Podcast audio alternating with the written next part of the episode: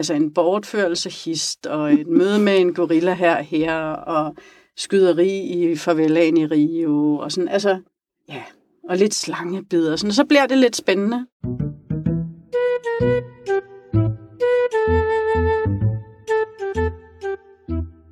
Du lytter til den anden af tre podcast i forbindelse med Vi Elsker Bøger, Københavns Bibliotekers årlige børnelitteraturfestival. Festivalen løber fra den 20. til den 25. marts 2023. Årets tema er På rejse. I den her udgave så får Julie og Julie besøg af Lise Bidstrup, som er en berejst forfatter, og det mærkes tydeligt i hendes bøger. Lise Bidstrup blev udgivet første gang i 2005, og har siden da ikke været til at stoppe. Hun er en yderst berejst forfatter. Handlingen i mange af hendes bøger foregår i andre lande. For eksempel Italien, Kambodja, Sverige, Argentina, Grønland og mange flere. Og mig, jeg hedder Bert Freiheit, og jeg har klippet det hele sammen.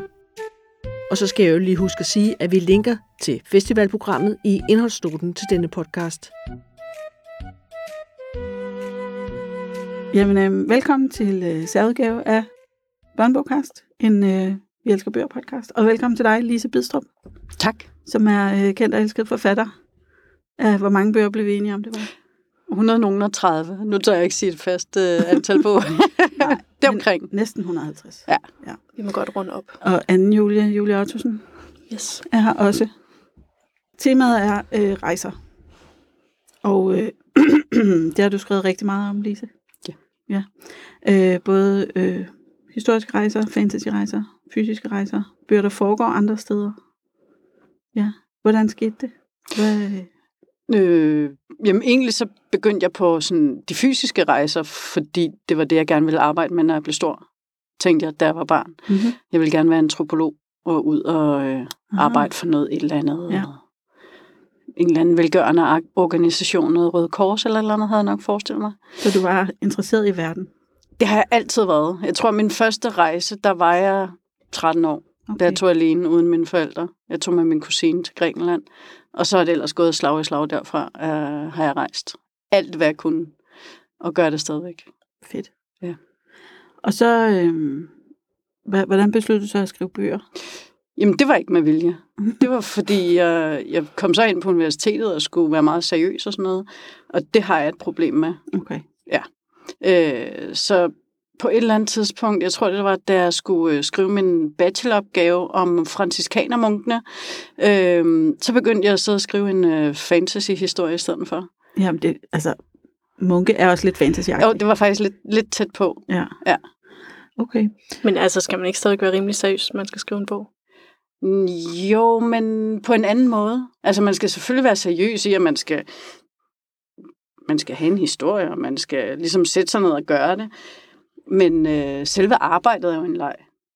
Det der med at finde på historien, og det der med at skrive dialogerne, og beskrive, især når det er fantasy, altså det der med at beskrive verdenen og sådan noget, Mm. det er jo ligesom at sætte sig ned og lege med Playmobil. det, så det er stadigvæk en leg, synes jeg. Det får det til at lyde meget let. Det er også løgn. Okay. Nogle gange er det ikke let.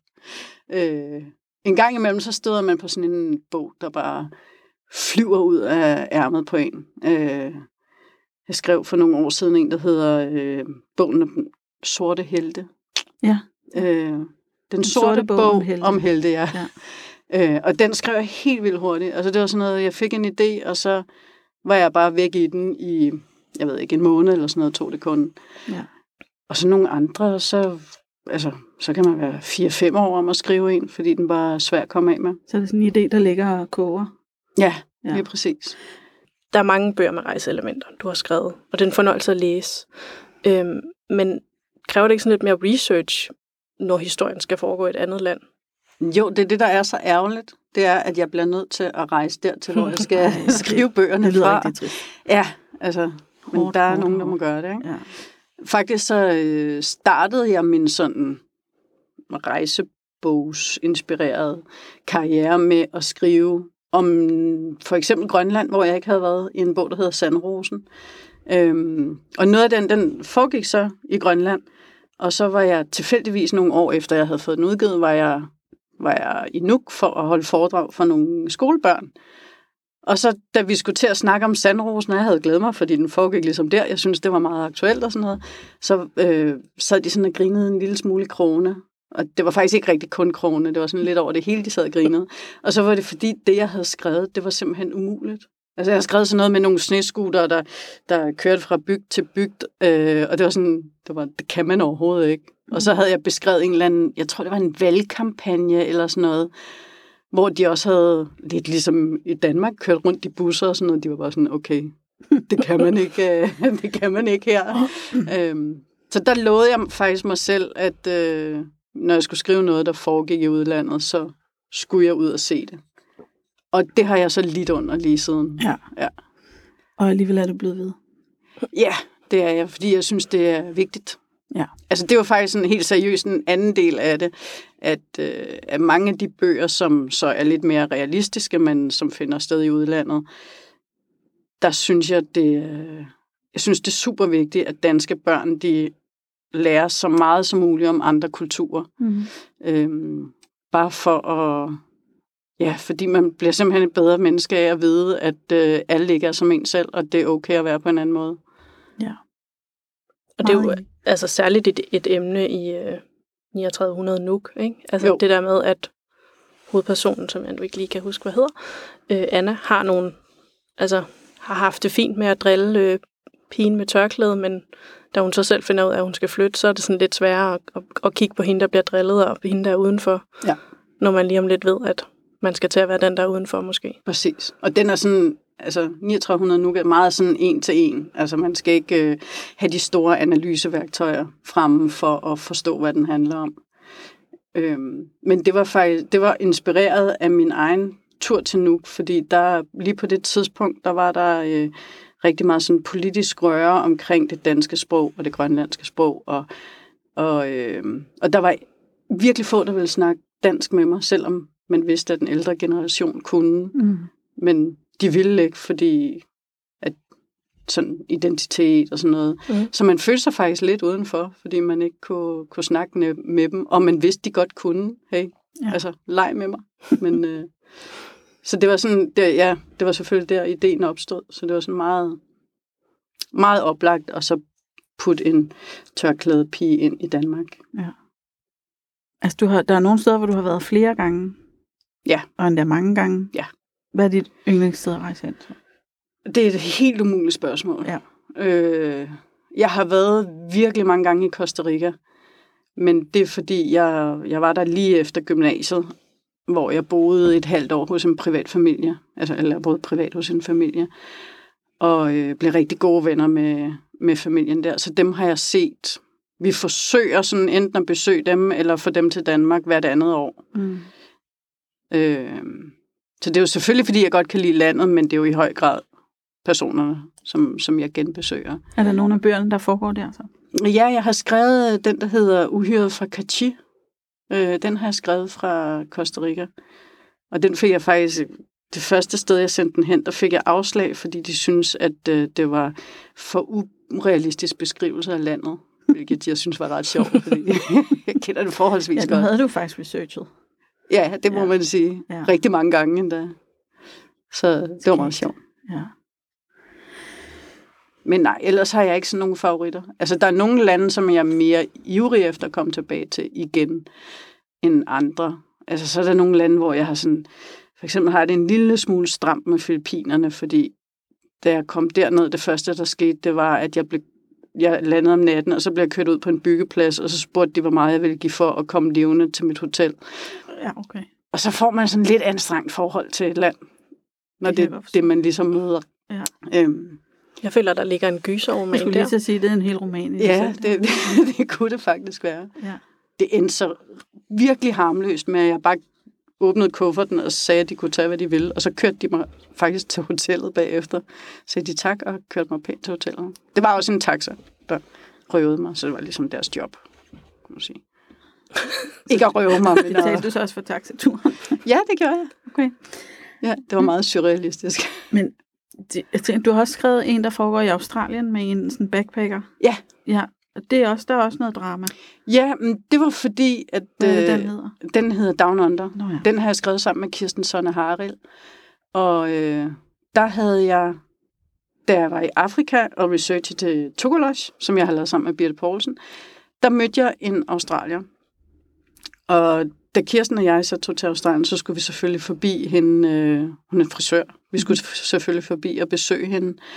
Og en af hendes gode venner var politimand.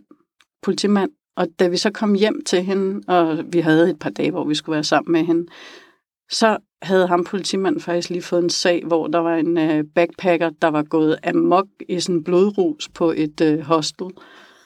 Og det var selvfølgelig den idé, vi ligesom greb, at øh, Nå, okay, det kan man også. Og så, Ja. så blev der en bog ud af det. Man må øh. sige, at der er mange af de historier, som er sådan nogle, man måske er okay tilfreds med ikke at opleve i virkeligheden selv, og bare læse om. Ja. Og jeg vil sige, det er ikke fordi, jeg, jeg leder ikke nødvendigvis efter at komme sådan ud i nogle ubehagelige situationer. Faktisk så gør jeg alt, hvad jeg kan for at undgå det.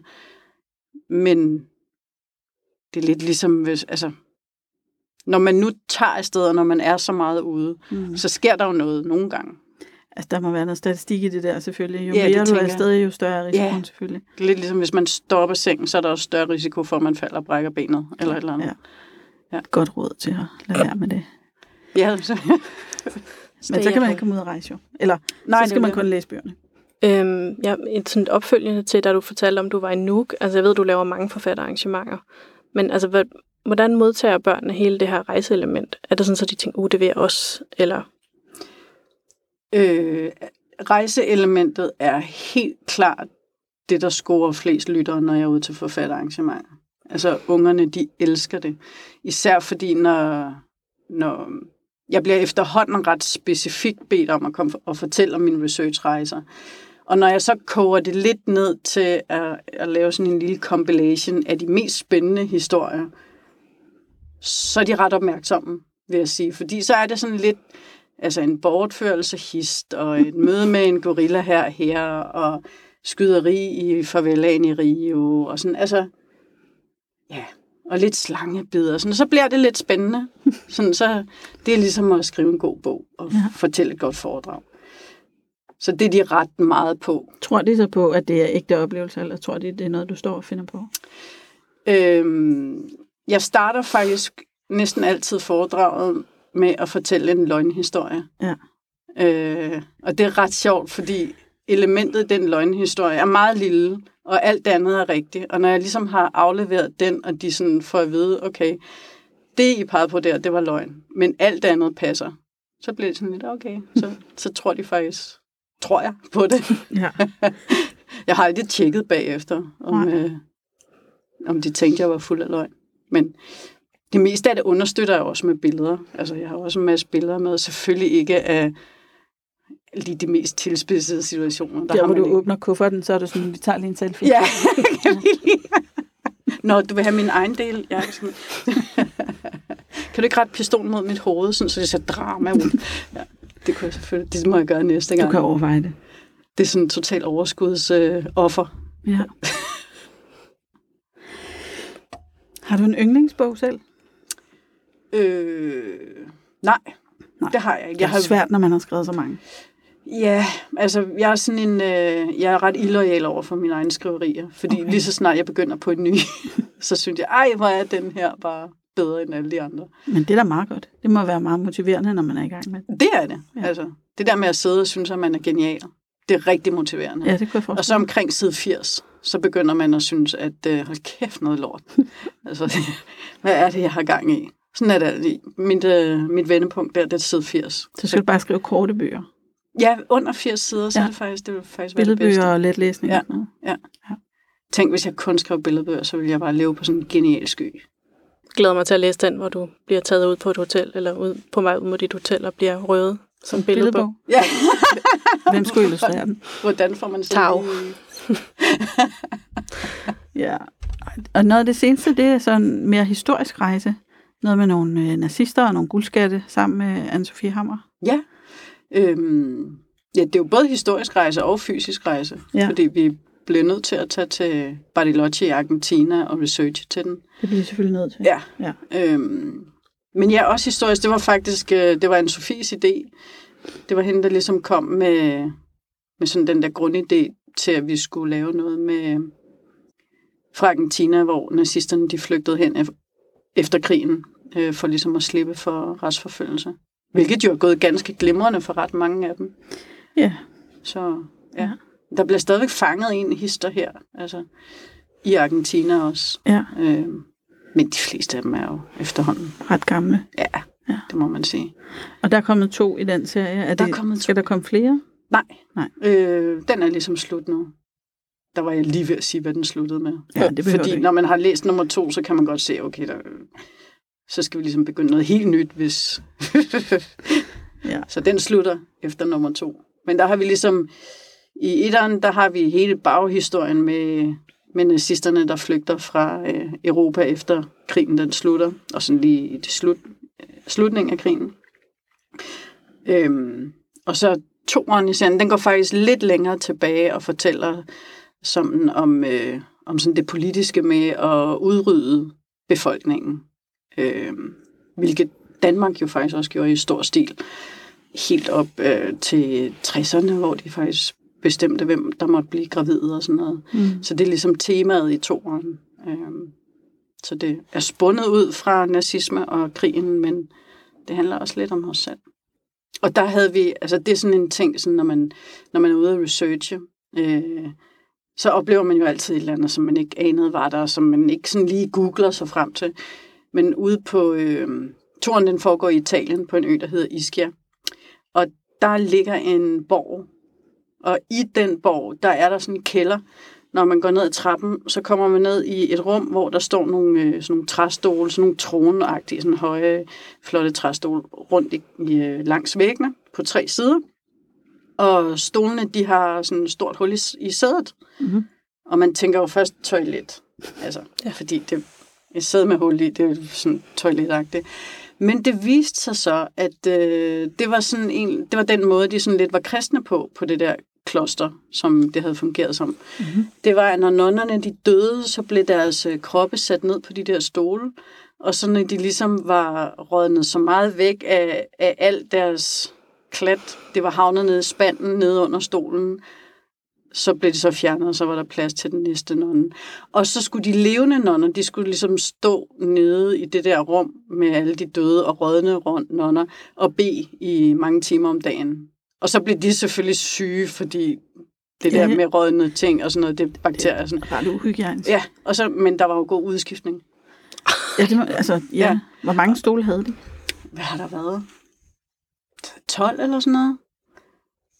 Ja, okay. Det er meget Og det havde vi jo ikke planlagt, at det på nogen måde skulle have... Øh, altså, vi anede jo ikke, at det skulle være med i bogen, men lige så snart vi så det, så var sådan, okay, det bliver vi simpelthen nødt til, fordi det er for mærkeligt. Det er virkelig mærkeligt. Hvem i alverden er der jo kommet på den? Ja, hvem tænker, at det er fandme en god idé, det her. Ja. Det, øh, så kommer vi da godt nok tæt på Gud. Ja, der er Eller måske noget. sådan et eller andet praktisk i, at så er der ikke så meget, man skal begrave, hvis de bare får lov til at sidde og rådne væk. Jamen, altså toppen af det, det er jo lige præcis det der med, at de levende nonner så skal stå dernede. Ja. Det er bare sådan, Ja, hvorfor? ja, hvorfor? Ej, det er mærkeligt. Ja. Men sådan noget kan jeg jo ikke høre, uden at, øh, okay, det, bliver, det, det skal en bog. Så jeg elsker mærkelige historier. Men der er jo også mange af dem derude. Helt vildt. Altså, Ja. jeg rejser ikke i nærheden af, hvad du gør, men alligevel støder man på mærkelige historier. Jamen, det gør man. Ja. ja. Jeg har lige været, øh, jeg kom hjem fra Maldiverne i sidste uge. Sammen, jeg har været afsted sammen med Sandra Schwartz. Øhm, og vi er i gang med at skrive sådan øh, lidt en klimaserie, men uden at være sådan helt traditionel. Men den går meget på sådan ekstrem vejr. Og så noget af det ekstreme vejr, det er selvfølgelig øh, havstigning og Maldivernes højeste punkt, så vidt jeg husker, var 1,20 meter. Mm. Så de sådan, det er det første land, der forsvinder, og derfor var det der, vi tog ned. Og så har vi været til møde med alle mulige forskellige, blandt andet UNICEF med deres øh, klimaoverfører. Øh, og han fortalte, at problemet for, for Maldiverne er faktisk ikke, at øh, de bliver oversvømmet af havet, fordi øh, vandet stiger. Det er faktisk, at de har bygget havne, som gør, at sandet eroderer væk. Hvilket vil sige, at deres øer faktisk bliver skyllet væk. De bliver ikke oversvømmet, de bliver skyllet væk. Okay. Øhm, og det var også noget, det, altså, det anede vi heller ikke, inden vi tog derned. Mm. Og jeg, altså, jeg lover, at vi har Google-researchet alt, hvad vi kunne på... Men ja, så når man kommer afsted, så får man noget andet at vide. Ja, det lyder også som om, det bliver nogle spændende bøger. Ja, det sy- synes jeg. Ja. Altså, de, nu er de jo ikke færdige, nu er vi nået til nummer tre. Øh, men vi har ikke fundet forlag til dem endnu, fordi vi tænkte, at vi ville skrive dem, og så Okay. Så ja. hvis man er et forlæg og hører det her, så kan man godt lige henvende sig. I ringer bare til Lise. Ja, jeg vil gerne læse dem. Jeg kan godt lide sådan noget med drama hver. Ja, det, etteren, der er det øh, ekstrem kulde. Så der var vi i Finland og research til det om vinteren. Mm. Helt op i Nordfinland, det var faktisk det var ret koldt. Ekstremt koldt. Og toeren, det var så tørke, så der boede vi nede i øh, Wadi Musa-ørkenen i Jordan. Og så træerne var vi på Maldiverne. Ja. Så, ja. Der er noget i det her rejseelement, altså fordi det er jo, jeg tænker jo ikke bare der, hvordan der fysisk ser ud, men hvordan sørger man for som forfatter, man kommer ud og rent faktisk oplever kulturen? Som regel så handler det om at skaffe nogle rigtig gode kontakter på forhånd, altså hjemmefra. At man øh, får snakket med nogen, som gider at tage en i hånden og vise en det, som man gerne vil se. Øh, faktisk så var Maldiverne lidt en udfordring, fordi vi øh, prøvede og prøvede og prøvede at komme i kontakt med alle mulige miljøorganisationer og sådan noget. Og jeg ved ikke, om de tænkte, ah, det bliver aldrig til noget. Øh, fordi de svarede faktisk ikke tilbage, før vi var dernede. Og jeg så skrev til dem, nu er vi her. Øh, er der nogen, der gider at snakke? Og så vendte de tilbage. Mm. Så det var faktisk det var lidt svært. Men det er sindssygt vigtigt at have nogen øh, at lege med. Øhm, lige nu så er jeg også i gang med at skrive et projekt sammen med Plan Børnefonden. Og det er jo simpelthen sådan en gave at have en, altså, nogen, der ligesom har, har været der fra starten, og som har alle kontakterne, og som Ja. siger, okay, hvad, hvad er det, I gerne vil se? Og så ringer de til deres venner og siger, okay, de her skal ud og se det og det og det. Ja. Fordi det gør bare arbejdet sindssygt meget nemmere. Ja, det er sådan et drømmeprojekt, fordi det blander jo lidt øh, min øh, barnedrøm om at være antropolog og arbejde for en hjælpeorganisation, og så Mhm. skrive. Øh, så det der Plan Børnefonden-projekt, det er sådan... Det er noget, du skriver for dem. Øh, i, I samarbejde med, altså de dikterer ikke, hvad der skal stå i bøgerne, eller i historierne. Jeg skriver den sammen, igen sammen med en anden forfatter, Anna Bridgewater. Øh, vi har også skrevet sammen før. Øhm, så aftalen er egentlig, at vi har frie hænder med hensyn til, hvad vi skriver, men vores ønske, både Plan Børnefonden og os, det er at skrive nogle historier, som for det første beskriver, hvordan børnene og- de unge har det øh, i de forskellige lande. Vi har startet med Kenya, og vi regner med, at næste land, vi skal til, er Moldova. Mm-hmm. Øhm, og så skal det have den ekstra sådan øh, ja, krog på, at, øh, at vi, skal, vi skriver også, hvad det har gjort for dem at være i kontakt med, med Plan Børnefonden eller Plan Børnefondens partnere i landet. Ja. Øhm, ja, lidt for at få sådan en lidt øh, håbefuld, sådan lidt optimistisk krølle på de der historier, fordi man, der er så mange historier om, om fattige, der lever i elendighed og slum og sygdom og død og sådan noget. Øh, og jeg savnede egentlig lidt, at der også var, hey, altså Danmark som land for eksempel poster sindssygt mange penge i, øh, i hjælpeprogrammer. Mm-hmm. Hvad, hvad gør det ved folk, der modtager dem? Altså, hjælper det overhovedet? Og Altså, det håber man jo. Jeg har selv sådan et planbarn. Ja. Ja. Og, øh, øh, hun fyldte 18, og så var det ligesom, Ja. så fik jeg et nyt i samme område. Ja. Ikke? Men der, så får man jo de der breve jævnligt om, at øh, nu er der blevet bygget en brønd, og nu har hun kortere til skole, og den generelle helbredssituation i familien er god. Og, Ja. altså, så det Og lyder det som ved om, du, fordi du har et planbarn. Ja. Og så sidder der en hel masse børn ude i skolerne, som, som forhåbentlig får det at vide igennem Ja, øh, vores novellesamling, at hey, hvis man bare hvis man bare giver dem et lille spark i den rigtige retning, så er der faktisk nogen, der tager bolden mm, og, og får det til at, at blive til meget mere, end, end det, man har givet. Og det er sådan lidt det, vi gerne vil med, med den. man kan jo godt nogle gange, øh, når, hvis man bare ser nyhederne, ende med at tænke, at alting er håbløst. Ja, det er nemlig det. Ja, og at Ja. der ikke er noget, der virker, og det gør ikke nogen forskel alligevel. Ja. Så det ville da være vigtigt. Jamen, det synes jeg nemlig også. Ja. Og jeg er super glad for i alle mulige andre bøger, ligesom at slå mine hovedpersoner ihjel og sådan, og det kan jeg mægtig godt lide. Men jeg synes bare, at på en eller anden måde, så lige det her område, det trængte bare til øh, også at få en sådan lidt positiv sådan slutreplik, at ja, det Ja. nytter faktisk noget at smide 50 kroner efter Planbørnefolden eller Røde Kors, eller hvem pokker det nu er, man vælger at støtte læger uden grænser. Altså, Mm. det gør en forandring hele det her rejseelement igen. Øhm, men du skriver jo også fantasy. Er der sådan nogle af de der fantasy-historier, som på en eller anden måde lidt tager afsæt i nogle rigtige lande alligevel? Det, det er der helt vildt mange af dem, der gør. Jeg tror, hvis, hvis jeg ikke rejste og var ude at se så mange mærkelige ting, altså sådan ting, som virkelig lægger en ægte fjernt, når man bor i Danmark, så vil jeg slet ikke have fantasi til at digte de der øh, fremtidsscenarier, som ofte så er det sådan lidt fremtidsdystopi, Mm. mm. jeg har skrevet, når det er fantasy.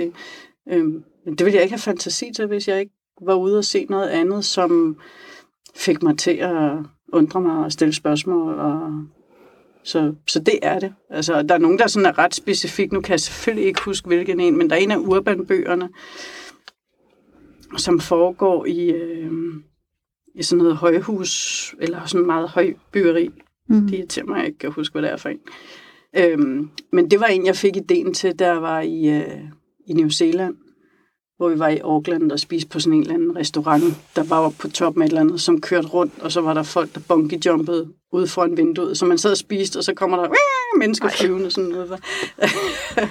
og ja, det satte så også et eller andet i gang, ikke? Sådan, Ja. okay, så, ah, det kunne være meget fedt. Og hvis der er nu nogen, der tænker, hvad er det? Det er en trilogi, ikke? De, de der urbanbøger. Øh. Der, det er faktisk, ja, hvor mange er der kommet? Er der fire, tror jeg? Det kan være.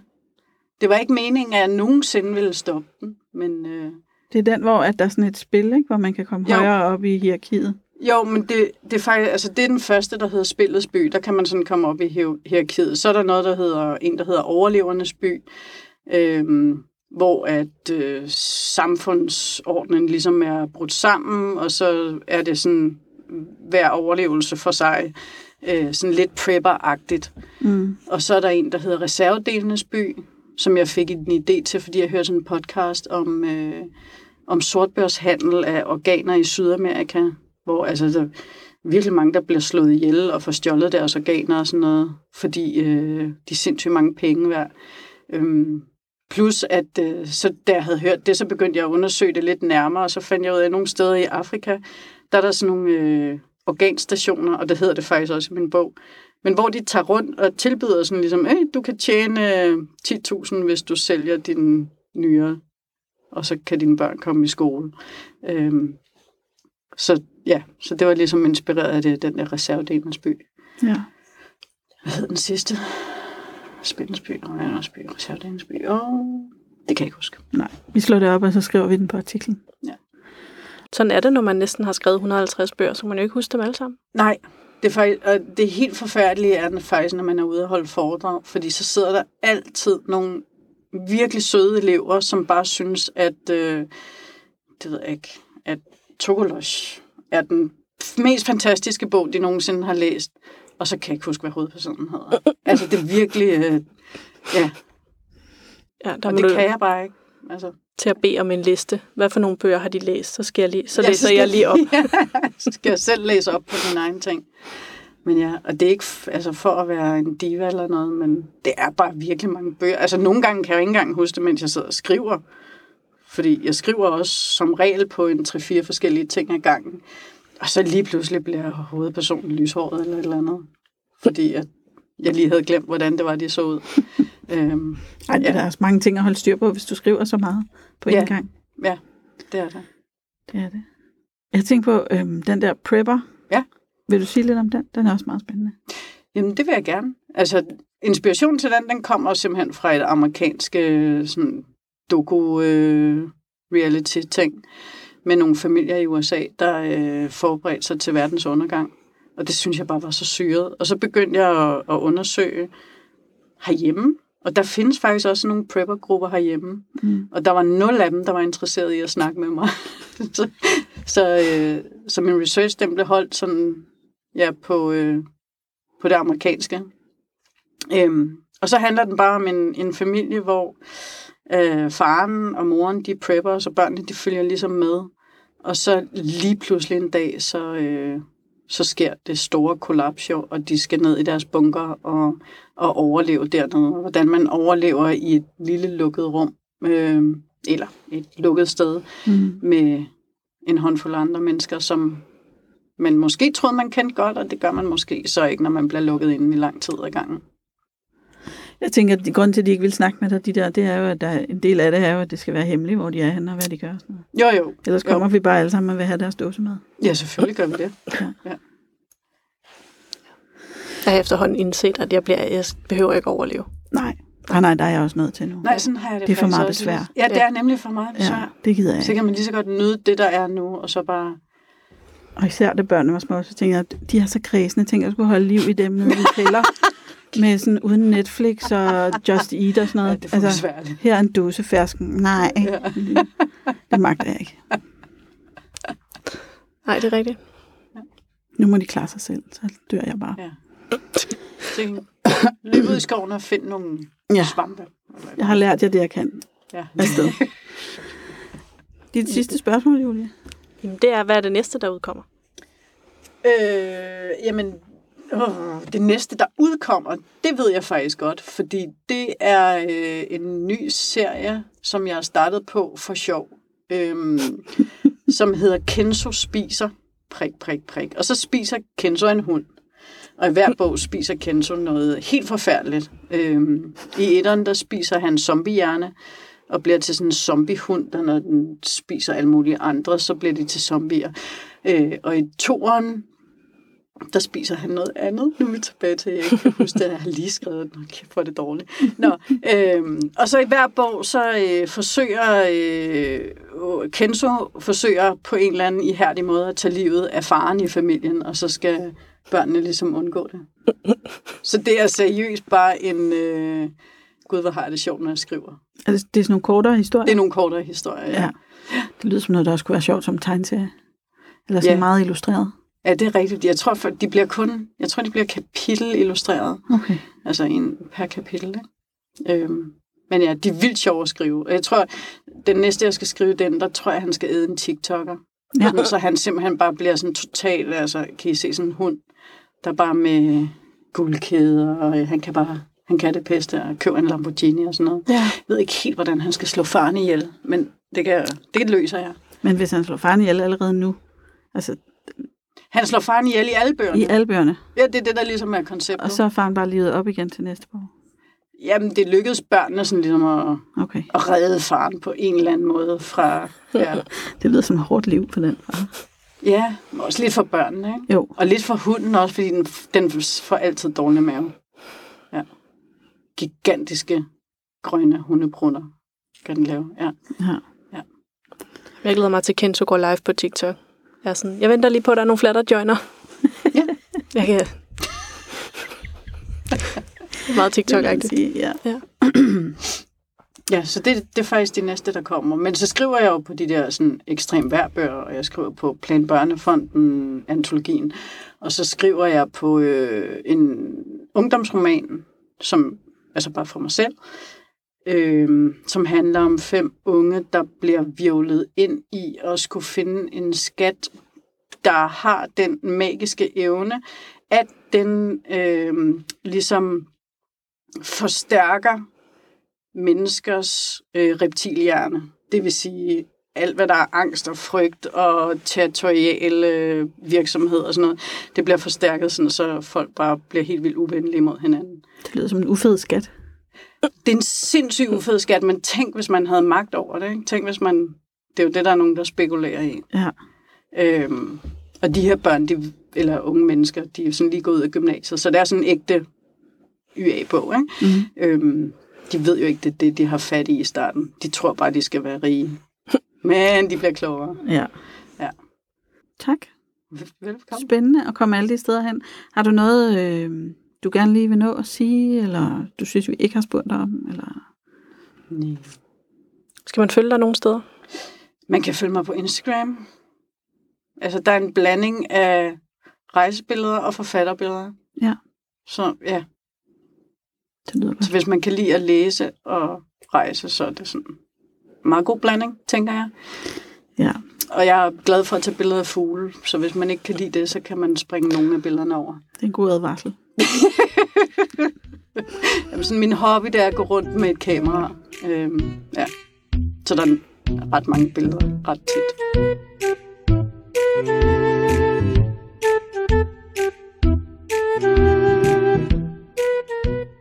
Og således slutter den anden af i alt tre podcast, udgivet i forbindelse med Vi Elsker Bøger, Københavns Bibliotekers årlige børnelitteraturfestival.